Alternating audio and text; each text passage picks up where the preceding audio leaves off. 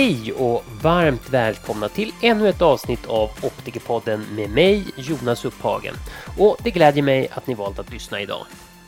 Som ni kanske märker redan nu så kommer vi även denna månad att bjuda er på ett högaktuellt reprisavsnitt från 2017 hämtat direkt från arkivet av Ögonpodden. Detta reprisavsnitt är verkligen något alldeles extra. Vi kommer att ta oss an det viktiga ämnet myopibehandling och ortokeratologi och för detta ämne intervjuade jag 2017 optikern Johan Danielsson. Men oroa er inte, vi kommer snart ut med nya avsnitt igen och vi tar gärna emot era lyssnarfrågor och förslag på ämnen som ni skulle vilja höra mer om. Så har ni något ni undrar över eller om det är något speciellt ämne som ni brinner för, tveka inte att mejla mig på jonas@iknow.se. Innan vi dyker ner i det intressanta reprisavsnittet vill jag rikta ett stort tack till er, våra kära lyssnare. Utan er skulle inte Optikerpodden vara vad den är idag. Er passion för ögon och intresset för optikervärlden driver oss att fortsätta leverera spännande och informativt innehåll varje månad. Så tusen tack! Nu! Dra på er era favoritglasögon eller kontaktlinser och gör er redo för ett tillbakablickande äventyr i poddlandskapet. Tack för att ni lyssnar och här kommer ett avsnitt från 2017 med den kunniga och inspirerande optikern Johan Danielsson. Vi hörs!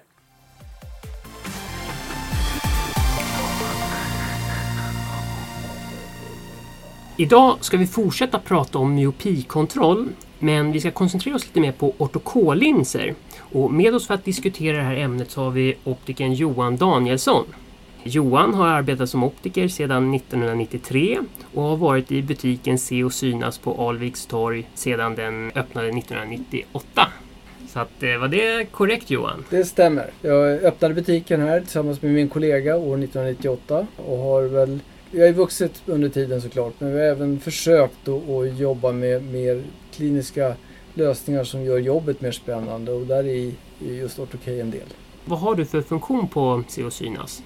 Jag är en av ägarna till två butiker i Stockholm. Liljeholmen och Alvikstorg eh, har Stefan och jag gemensamt ägande till. Är det två Se och synas det finns eller? I Stockholm är det två men totalt sett så finns det en även i Uppsala en i Strängnäs, en i Eskilstuna och en i Umeå, eller strax utanför Umeå. Vart befinner vi oss nu då när vi spelar in här? Vad är det här för rum som vi sitter i? Det här är mitt lilla kontor som är så långt ifrån butiken man kan komma. Lunchrum och kontor kan man väl säga. Det är för personalen också okay. så att man ska få komma ifrån och inte sitta bland i närheten av kunderna utan när man är på lunch ska man vara ledig.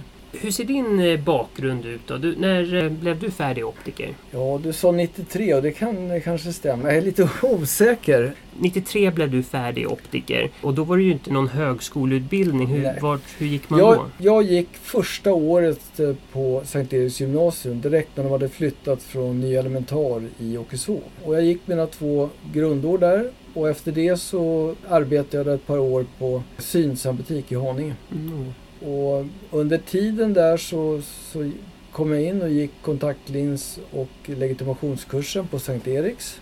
Och eh, under den tiden så fick jag tag i den här lokalen och jag hittade, träffade min kollega Stefan som vi frågade om vi skulle göra det tillsammans, vilket vi beslöt oss för att göra. Och vi öppnade butiken 98 i september. Och Stefan är optiker också? Stefan är optiker och han har varit optiker sedan... Han är ett år äldre än mig, han är, är, är 54, nyligen fyllda. Men han, jag tror han var färdig kontaktlinsoptiker redan som 18-åring. Okej. Okay. Eh, så han har god kontaktlinskompetens och är också väldigt aktiv med ortokej och stabila linser. Okej. Okay. Innan vi bokade det här mötet så lät det som att du hade massa möten bokade idag. Och eh, är det en vanlig arbetsdag för dig eller hur ser en vanlig arbetsdag ut för dig? En vanlig arbetsdag är, finns egentligen inte. Ibland har jag, är jag tungt bokad med patienter och sitter, kan sitta från morgon till kväll i ett rum hela dagen. Till de som absolut vill komma till mig. Kommer det nya kunder som inte vet vem jag är så gör jag allt för att personalen ska ta hand om dem.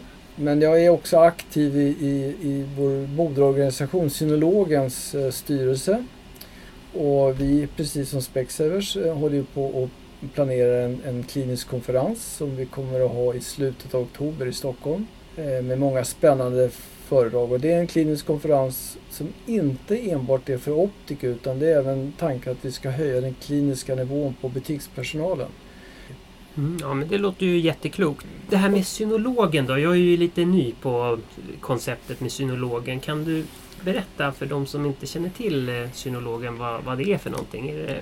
Synologen är idag 106 eh, privatägda butiker. Eh, de flesta butikerna är det en ägare på butik. Det finns några ägare som har mer än en butik.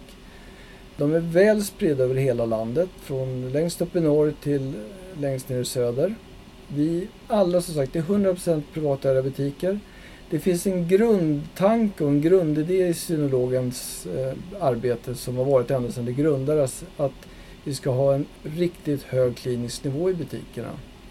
Sen varierar det givetvis våra butiker som, som det alltid gör. Det går inte att hålla en exakt jämn nivå. Men, men det finns ett stort intresse av ortokeratologi bland annat. Och jag tror, skulle gissa att det är säkert 80 procent av, av de aktiva ortokej-tillpassarna i Sverige som är synologen butiker. Och det finns också en hel del andra. Stabillinser är, är relativt vanligt hos eh, Synologen-butikerna. Eh, ögonhälsoundersökningar med iDiagnostics som vi har hört talas om där vi har en, en faktisk ögonläkare som gör de kliniska bedömningarna av bilderna och synfältsmätningarna för den som tycker att de behöver hjälp med det. Finns också i vår organisation. Vi vet att även några andra butiker ute har börjat komma in på det här men det var inom synologen som iDiagnostics startade. Tanken är att vi ska ha, vi, vi kan aldrig kriga mot de stora kapitalägda kedjorna med marknadsföring eller med, med prissättning utan vår, vår tanke att, att synas och uppmärksammas av kunderna är att vi ska ha en, en högre klinisk nivå än vad våra konkurrenter har.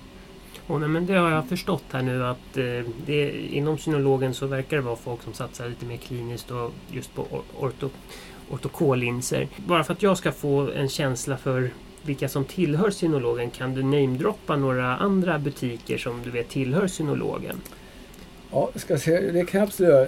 Östmans optik i Umeå eh, vars ägare Per-Åke bland annat eh, hade ett föredrag på optometridagarna senast. Vi har till exempel eh, i Stockholm så mm. har vi Bågar och Glas. Vi har Ringdals på Kungsholmen. Vi har... Ja, men det räcker gott och väl. Nu har jag fått några namn här på några butiker som eh, tillhör Synologen. Så att, eh, då, då har jag lite mer känsla för vilka de är. Är det någonting mer som du vill berätta om Synologen? Någonting du vill ta, ta fram mer där?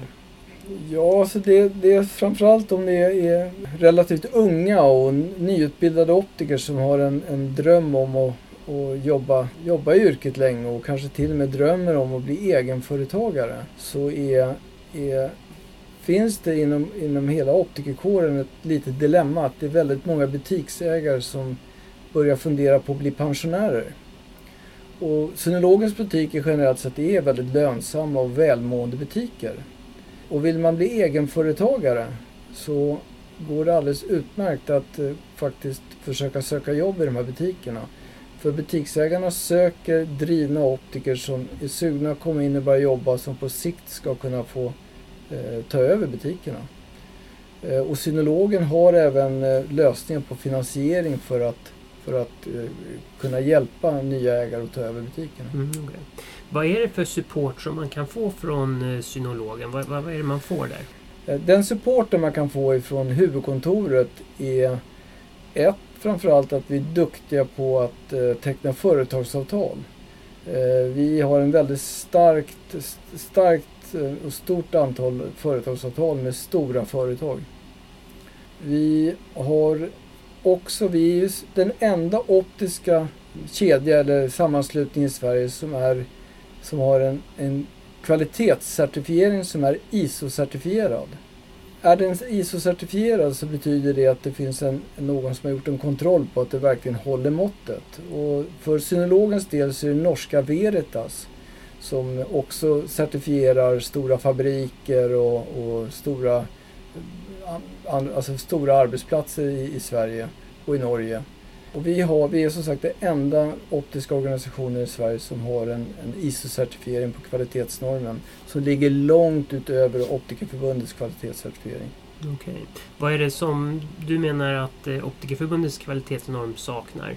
Ja, alltså de saknar ingenting i deras arbete men vi, i vår organisation så finns det också en, en kvalitetscertifiering att personalen är, har det stödet, att det finns sjukvårdsutrustning, att det finns eh, utbildningsplaner för utvecklingssamtal och, och, att personalen ska kunna få vidareutbildningar. Och det, det, är också en sak som finns genom synologens huvudkontor att vi skapar hela tiden utbildningar för butikerna och butikspersonalen. Och det är allt ifrån, det kan vara allt ifrån sälj såklart men även vad det gäller ekonomi, så man förstår en butikschef lätt ska kunna... Det, alla ska få ta del av det här för vi tror att ju fler som är kunniga och medvetna om hur det är att driva en optisk verksamhet i personalstyrkan desto bättre kommer man företaget må. Eh, om man vill köpa in fin utrustning då som man ska kunna göra en eh, synhälsokontroll eller eh, Eh, tillpassa ortokollinser. Får man någon hjälp därifrån? Finns det något, är det inköp och sånt där på maskiner? Är det någonting som det finns gemensamma krafter för? Eller? Eh, är det så att det ska göras ett större antal inköp så som när vi började med ögonhälsoundersökningen. Det var många synfältsmätare, perimetrar och funduskameror som skulle köpas in.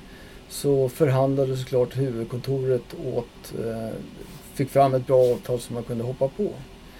Är det enskilda instrument så är det vi själva. Vi är ändå egenföretagare och vi är så pass eh, driftiga så vi klarar av att driva en butik. Så att förhandla ett bra pris på ett instrument själv brukar vi klara. Mm. Den kompetensen har vi i butikerna. Umgås man med rätt folk som man vet är duktiga så lär man sig ganska så snabbt eh, hur man ska hantera leverantörer och hur man ska se till att få en god lönsamhet i butiken och göra bra affärer. Mm. Ja, det där låter spännande. Eh, men nu ska vi koncentrera oss lite på det här med ortok, eh, ortokolinser. Eh, och det har jag förstått att eh, du tillpassar en hel del. Till exempel så, ja egentligen så eh, när jag pratade med en, en, kollega i Värnamo till exempel så sa jag det att men jag känner inte till så många optiker i Stockholm som jobbar med ortokollinser. Jag känner bara till en och då var det du. Så att jag känner faktiskt inte till så många som jobbar med ortoko. Hur, hur stort skulle du säga att hur stort är utbudet med folk som tillpassar ortokollinser? Jag har ju uppfattningen att det är ganska få. Vad, vad är din uppfattning? Vår systerbutik i Liljeholmen är ju väldigt aktiv med ortokollinser.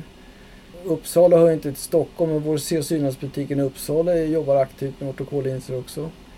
Eh, jag vet att det finns inom synologens butiker i Stockholm eh, flera till, tre i alla fall, som jag med säkerhet kan säga jobbar aktivt med ortokodlins. Till att börja med, hur mycket evidens finns det för att det här överhuvudtaget fungerar? I oändligt mycket. Det, det, det här, själva tekniken att, eh, med ortokej är ju en teknik som har funnits i säkert 30 år. Så det är ingen nypåkommen eh, idé att, att eh, forma om hornhinnan.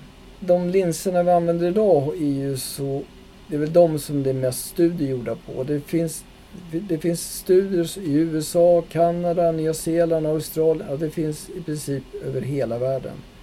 Eh, och i Kina finns det väldigt många studier för i Kina är det en stor, ett stort arbetssätt mot, för att stoppa närsynthet och framförallt att slippa glasögon och kontaktlinser. Men ändå så är det ju inte... Alltså, jag, min karriär den har ju... Jag har ju jobbat i de stora kedjorna och jag, jag har ju aldrig jobbat med ortokollinser. Varför tror du inte att de, de större kedjorna har satsat på det här? Jag tror att det finns flera anledningar till det. Ett är att man, man såklart att det blir inte så mycket glasögonförsäljning om man eh, jobbar med ortokollinser. Men det finns ju också en annan faktor tror jag. Att, att de stora kapitalägda kedjorna så är väldigt stor del av, av ledningen eh, icke-optiker. Eh, och jag tror att de optiker som sitter där uppe har själva aldrig haft någon kontakt med, med ortokodlinser. Eh, vilket gör att det, de har ingen drivande kraft uppifrån och det är svårt tror jag för, för de kapitalägda butikscheferna att försöka driva igenom en egen en egen idé och, och dra igång någonting utan besluten kommer förmodligen uppifrån. Ortokej är ju som du säger ganska litet i Sverige. Även jämfört med vårt grannland Norge och Danmark, framförallt Danmark och Holland är det jättestort i. Men, men det, det finns ju i hela Europa och holländarna och danskarna jobbar ju mycket, mycket mer aktivt med det här. Så jag ska säga att det är en anledning till att, är också, eller orsaken vet jag inte, men det, det är en ganska liten utbredning i Sverige jämfört med många andra länder i Europa. Mm. Och det kan bero på att eh, kedjeledningarna, det är för komplicerat för dem att dra igång och där. De kunskapen finns inte och, och, det är för trögt att rulla igång en sån här. Det måste finnas engagerade personer i butikerna som verkligen tar tag i ansvaret och, och får det att funka. En liten privat verksamhet är väldigt lätt att, att, att komma igång med sånt här. Om man vill komma igång då, vad, vad, är det man ska, vad är det för utrustning man ska införskaffa och vad, vad man behöver om man vill komma igång? Hur ska man göra? Först och främst måste man göra en vanlig hederlig klassisk synundersökning och det har vi ju alla i tillgång till. Så det, om man använder provbåge eller foropter spelar inte så stor roll men man måste göra en ordentlig. Man behöver en spaltlampa eh, såklart som man har vid all, all kontaktlinstillpassning. Men därutöver så behöver man en topograf. Och det finns topografer som är väldigt enkla som man bara hakar i spaltlampan och det finns ju mer fristående topografer som ser ut som en autorefraktor ungefär. Som, ja, egentligen spelar det inte så stor roll vilken typ av topograf man har. Det är bara topografen som man kan föra över det in i datasystemet sen för beställning.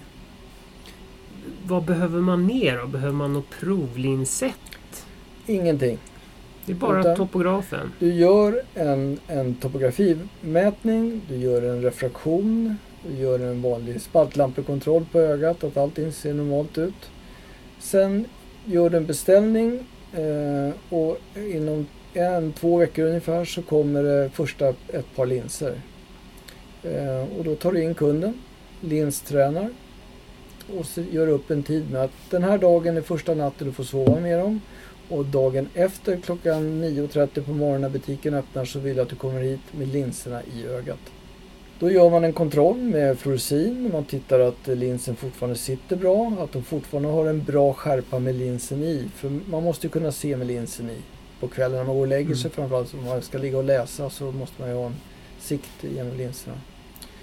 Sen tar man ur linsen och tittar på hur stor förändring det har blivit första natten. Och har man ett inte alltför stort synfel, kanske minus ett höger-vänster, så har man tur så är det helt borta redan efter första natten. Däremot ligger man på 4,5 med två cylinder så kan man, får man förvänta sig att det tar ett par dagar längre. Det, allt försvinner ju inte på en gång. Och så gör man en kontroll att, det, att det ser, hornhinnan ser fräsch ut och att det, man gör en överrefraktion på, på den förändring som har varit och ser att man får upp en bra synskärpa. Eh, och sen så gör man upp att de ska fortsätta använda linserna och träffas igen efter 3 till 5 dagar. Och då så vill man ändå ha nått, om man har större synfält så ska man ändå ha nått så långt så man ska kunna klara sig helt utan annat syreuppmedel efter den tiden. Och sen, gör man, sen är det relativt mycket kontroller i början och det här skapar en del stolstid. Det är kontroll nytillpassningen morgon, 3 till 5 dagar två, tre veckor. Ja, sen är det efter en, tre mån en månad, tre månader, sex månader och tolv månader. Efter det så är det var sjätte månad som man har en kontroll. Och det är egentligen mest att se att synskärpan är tillfredsställande, att den är så bra som den ska vara. Och att det inte finns någon irritation på kornea. Det du beskrev nu, det låter ju lite som eh, ja, det är såna här nattlinser som omformar hornhinnan på natten och så ser man bra när man vaknar. Men det är alltså samma linser som skulle kunna bromsa eller kontrollera närsyntheten. Är det, är det korrekt? Ja, precis. Det är ju så att den bilden som skapas efter en ortokejbehandling på en hornhinna som har ändrat formen efter en ortokejbehandling den skapar ju en betydligt bättre skärpa i den perifera delen av retina. Och man har ju förstått att, att eh, den, den något hyperopa bilden i perifera delen som man får av glasögon och, och vanliga kontaktlinser mm. eh, kan vara en trigger för att ögat ska fortsätta växa. Även om makula har en skarp bild men den perifera delen har en för oskarp bild så kan det trigga hjärnan att vilja få ögat att fortsätta växa. Och det är ju den förklaringen man har, har lyckats eh, få fram till varför Ortokej skapar så bra resultat. Därför att det ger en skarpare perifer bild på retern. Och eh, när man började tillpassa ortokollinser då, ja, då var det ju först för att man skulle vakna upp och inte behöva använda glasögon och linser. Eh, men sen upptäckte man att det här även kunde bromsa eller Ja. eh, kontrollera närsyntheten. När, när, när upptäckte man det först? Eller Och- när började man titta på det här? Minst tio år sedan, och säkert drygt det. Jag kan Mm. inte svara på det på rak arm, men, men det, det är en kunskap som har funnits länge. Det finns en aktiv studie där man fyller på med nya patienter hela tiden, så man har väldigt bra data på den. Nu minns jag inte om det är Nya Zeeland eller Australien bland annat och i USA finns det en sån eh, studie också. Och det finns säkert fler runt i världen. Och de här har man ju följt patienter under väldigt, väldigt, väldigt många år så man är ju otroligt säker på resultaten. Det finns ju massa människor som har ett jättebehov av att vilja ha stabil syn. De vill inte att sin närsynthet ska öka. De är oroliga för att den ökar. Varför kommer inte det här ut till potentiella kunderna, till de vanliga människorna på marknaden? Varför marknadsförs inte det här på något sätt? Jag Kraftigare? det marknadsförs ju till viss del av oss men vi har ju eh, inte den, den kapitalmängden att lägga på marknadsföring som, som eh, de stora kedjorna har. Så, men ja, jag, jag kan bara säga att det, en liten butik har ju en mindre ekonomi totalt Mm. sett inom det mesta och, och givetvis har vi en mindre marknadsföringsbudget än vad kapitalägda kedjornas eh, gemensamma marknadsföringsbudget är. Ehm, Och givetvis tror jag att om vi synologer som jobbar med det här skulle slå oss ihop och säga att nu gör vi en gemensam sak. Ehm, Så skulle det säkert gå bra. Men dit har vi Mm. inte kommit än. Nej. Nej, men det tycker jag att man ska göra. Man, man eh, måste ju få ut det här till, till folk att de förstår. För att det, jag pratar ju med massa människor och de, de eh, känner inte till det här. Och det är först nu på senare tid som jag börjat informera. Det finns ju faktiskt alternativ. Men, men för den som är intresserad och tycker att det här är intressant och att man vill jobba med det så kan jag berätta själv att i början så fick vi ju försöka övertyga eh, kunderna och framförallt föräldrarna till de barnen som var lämpliga för, för ortokejbehandling att det inte var hokus pokus utan att det här är vetenskap och fungerar väldigt, väldigt bra. I, I mitt affärsområde så har vi ju hållit på så pass länge nu så nu kommer ju kunderna in och säger hej jag har hört talas om det här med nattlinser. Eh, och min dotter har en skolkamrat som, som har använt det här är så nöjd så jag skulle gärna vilja att eh, vi ska även ta hand om, mina barn. Det handlar bara om att jobba in det här. Som sagt i Bromma vet förhållandevis många fler vad det här är än vad det är i många andra delar av Stockholm Mm. där det inte det finns någon aktiv optiker som jobbar med det. Hur väljer man ut då? Eller hur väljer du ut en, eh, en kandidat för ortoko? Det är bara närsynthet som behandlas.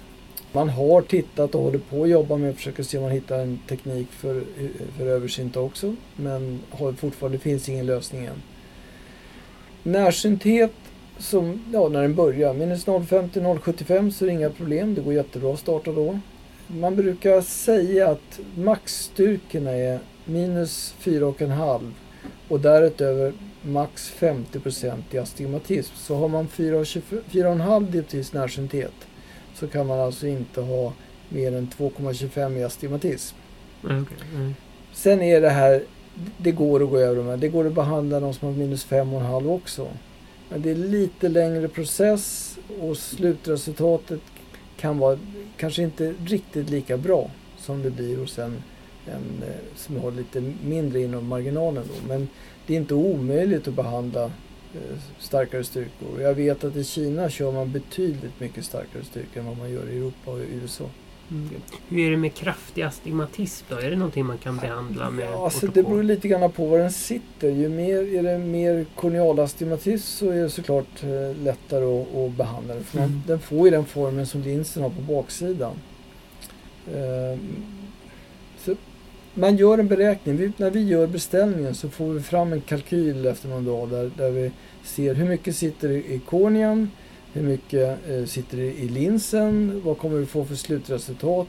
Måste vi ta hänsyn till det här med astigmatismen på ett annat sätt för att få det så bra som möjligt? Och, och vissa kunder som har som har väldigt mycket linsastigmatism. Eh, ja, då kan det bli svårt att få bort Mm. den såklart. Nej, men ja, självklart så är det ju givet att det måste sitta i hornhinnan. Men om man har eh, 2,5 dioptri som sitter i hornhinnan, då, hur ser prognosen ut för att kunna få bort det med ortokå? då? Ja, så det, det är en bra prognos. Sen är det som alltid, det, det är aldrig 100% utfall men det är förhållandevis sällan det inte blir ett, ett, ett tillräckligt bra eller mycket bra resultat. Mm, okej. Vi vänder oss ju framförallt till alla barn som är, börjar bli myop, kommer hit för första gången och gör refraktion när de har blivit myopa. Och framförallt om föräldrarna är, är, är myopa så Mm. är det såklart lätt att förklara hur det fungerar. Vi har ju information och studier vi kan visa. Men det finns även, vi har ju en hel del äldre som inte blir mer närsynta som också eh, gärna vill ha det här. Mm.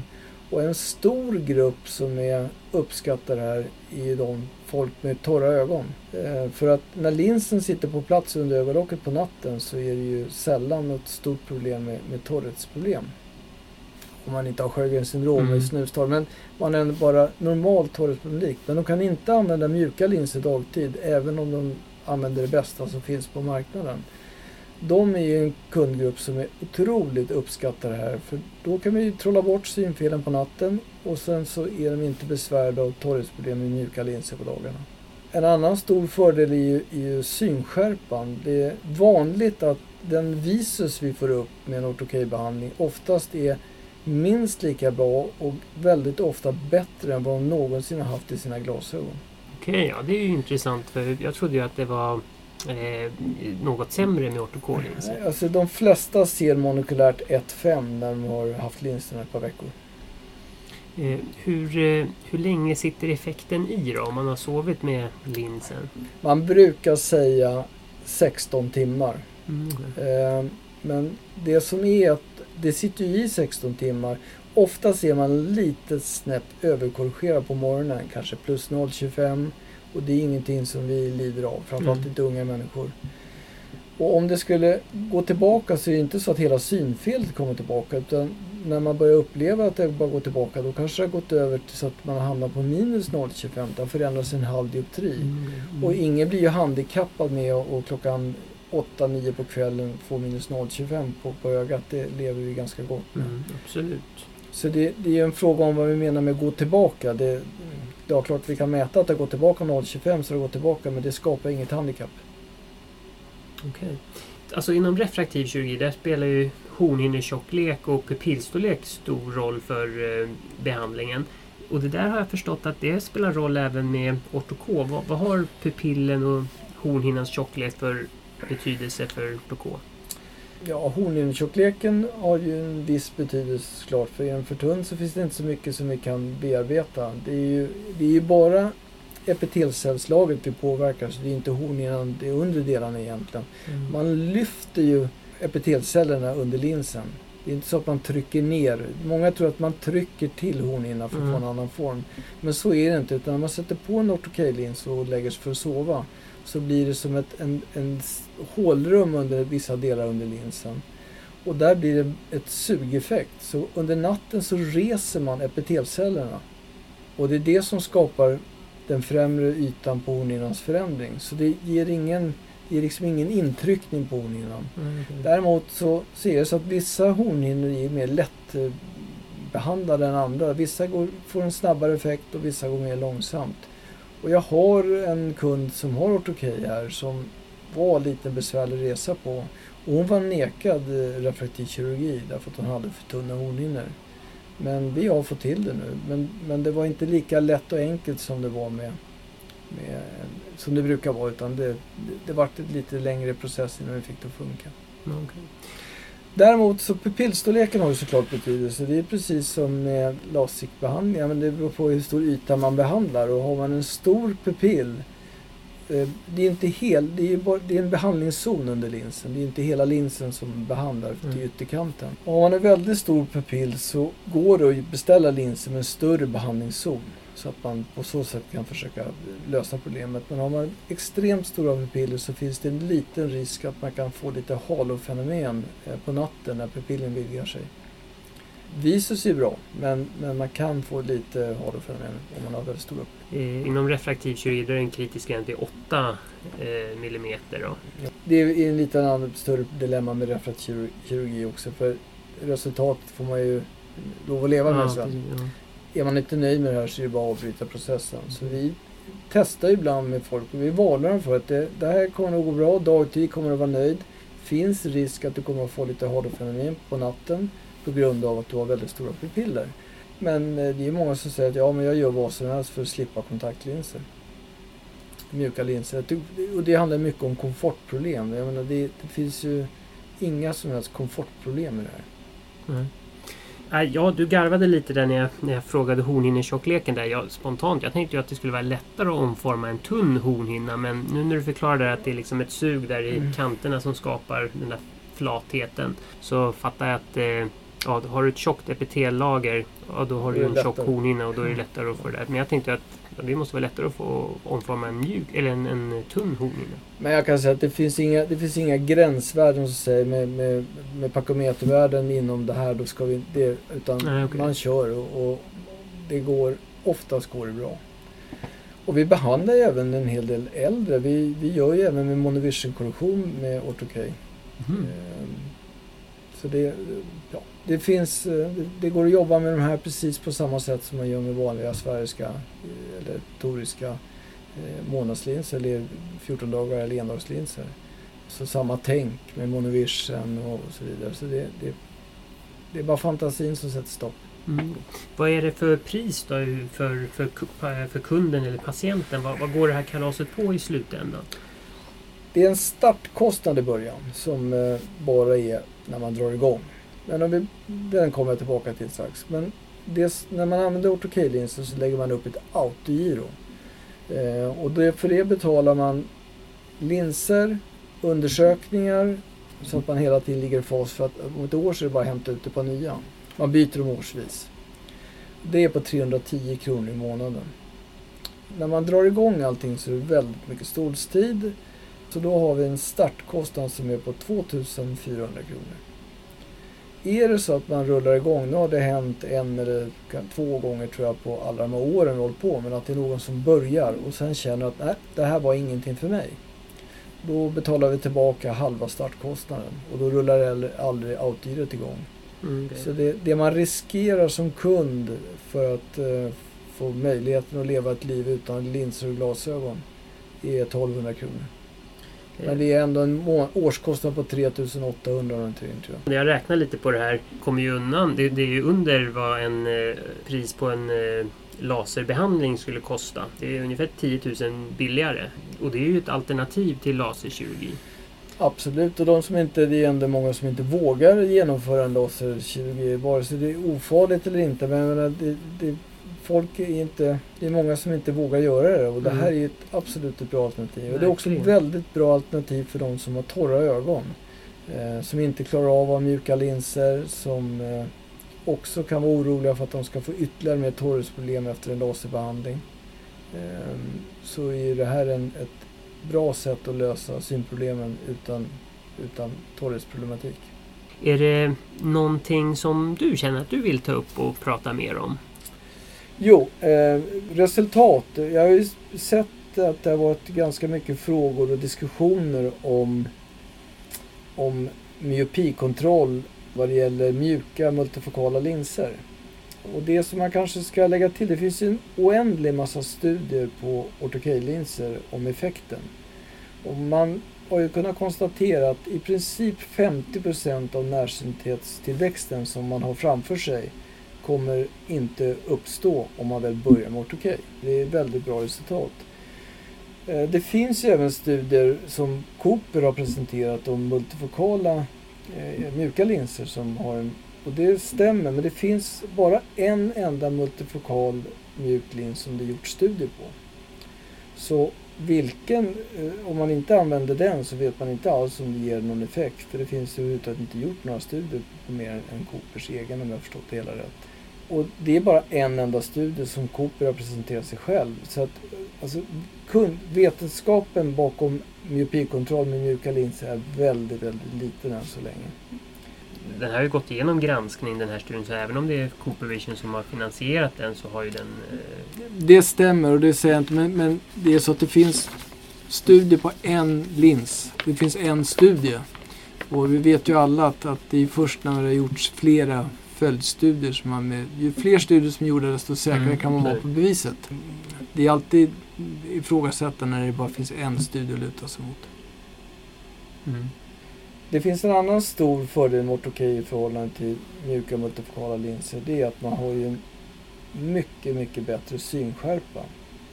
En multifokal lins ger ju sällan mm. samma kontrastseende och visus som en vanlig sfärisk lins eller en torisk lins.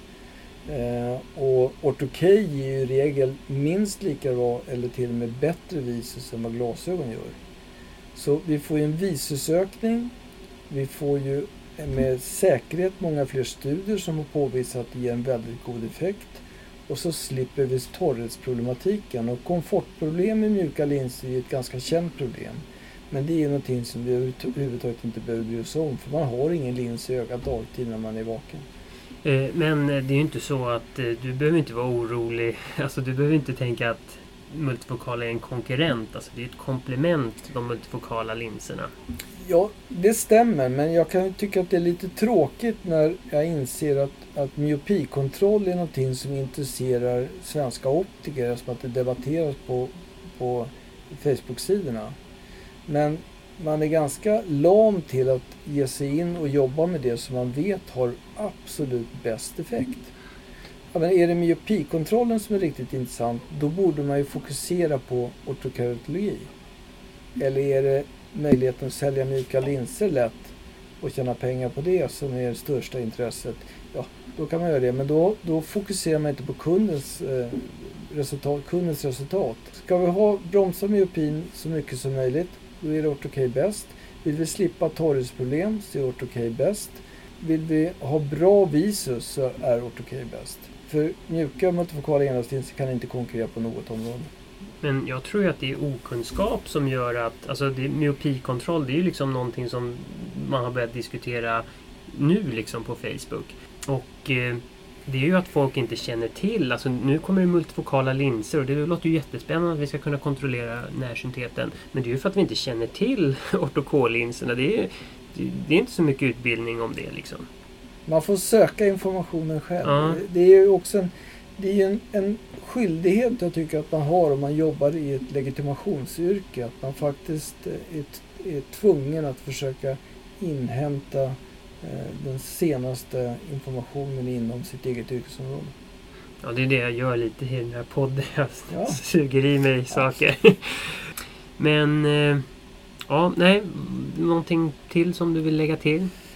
jag vet att det finns ett stort intresse och väldigt lite kunskap eftersom att det i det närmaste inte föreläses någonting om det här på optikerutbildningen. Och jag säger till alla er, er som vill, kontakta de optiker som har ortokejtillpassning.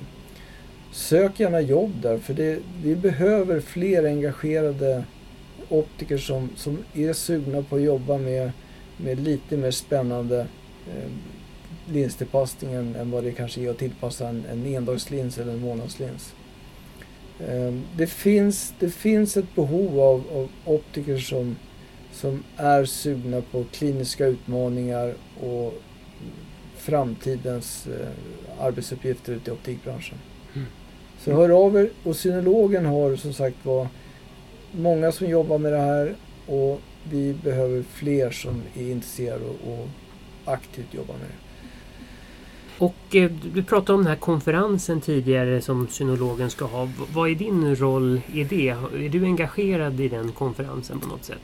Jag är engagerad i den så pass att jag håller på och försöker vara en av de aktiva att styra eh, utbudet av föreläsningar tillsammans med vårt huvudkontor. Men det är som på många huvudkontor inga optiker som jobbar så det behövs någon med, med, med ett kliniskt intresse mm. som är med. Vi kommer att ha två heldagar. Det är den 21 och 22 oktober. Eh, vi kommer att vara på ett hotell i, på Södermalm. Eh, och vi kommer att ha två fokusområden. Och dag ett så ska vi försöka fördjupa oss eh, betydligt mycket mer än vanligt i, i glaukom. Att eh, glaukom är ändå någonting som vi alla, ett problem som vi ständigt stöter på. Eh, och vi har en, en eh, duktig föreläsare som jag vet även ska vara på, på Specsavers föredrag som heter Johan Semby. Mycket trevlig man, jag pratar mycket med honom i telefon. Eh, vi kommer utöver detta även ha utbildning i hantering av instrument för assistentpersonal av tonometrar och, och perimetermätningar och, och funduskameror och, och, ja, så att eh, fler i butiken kan vara aktiva att hantera maskinerna. Eh, ja, så att den totala kompetensen inom, inom glaukom ska höjas rejält. Dag två har vi Makula-fokus. Då är det inte bara AMD och, och, och, utan vi ska verkligen försöka titta på klassiska vanliga makulaåkommor. Allt ifrån makulahål och, och makulapacker och AMD och, och, totalt sett försöka gå igenom med en duktig makulakirurg som kommer att, som heter Karim, som kommer att föreläsa för oss om det här. Och på sidan om det här så ska vi givetvis ha andra föredrag som för assistenter och så vidare som även är kopplat till, till ämnesområdet. Hur är det med ortokår? Finns det, några, finns det någon eh, möjlighet att eh, lära sig mer om ortokår på konferensen? Ja, det gör det. Vi har på lördag kväll så har vi en live-tillpassning av ortokollinser på en kund. Och vi kommer att eh, förbereda det hela genom att ha gjort topografimätningen och gjort linsbeställningen. Men vi kommer inte låta kunden få använda patienten, hur ska använda det, eh, att få använda linsen innan vi väl sitter på scen. Och där ska vi visa hur en, en fullständig nytillpassning av ortokollinser går till.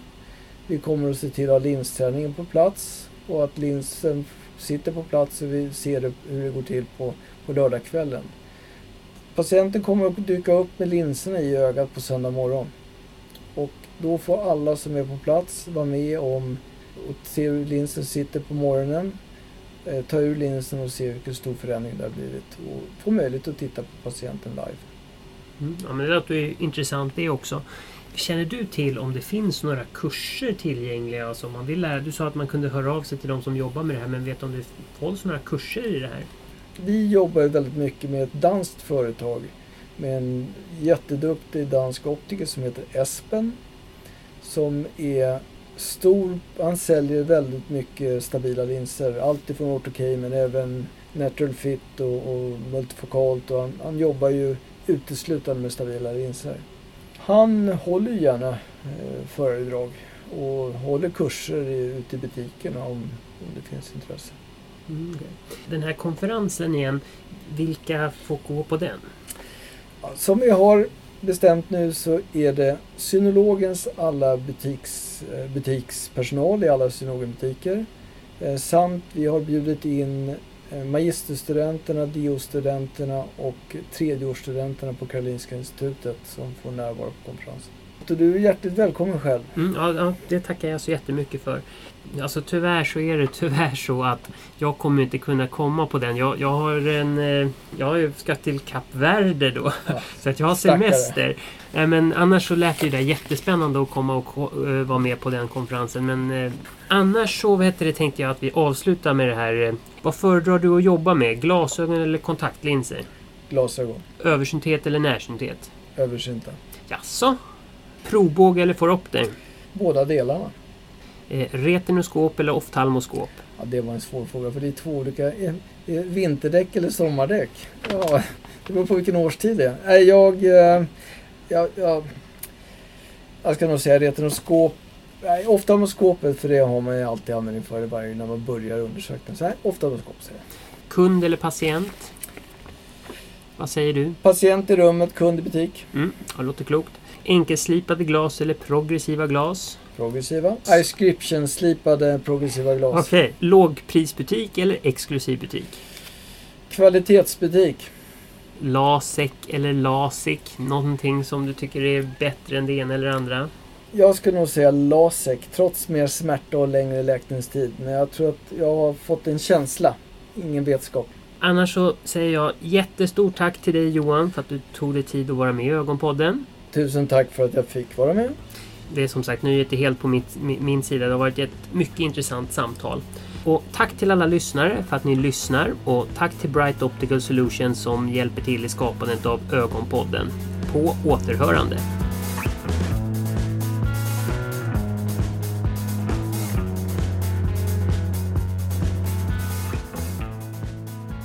Jag hade precis flyttat. Det var sista året, första året på Sankt Eriks. Eh, nej, förlåt. Sist, det var sista året på klipp. Ja, absolut. Det är, det eh, jag gick första året eh, på Sankt Eriks gymnasium direkt när de hade flyttat från Nya Elementar i Åkesson.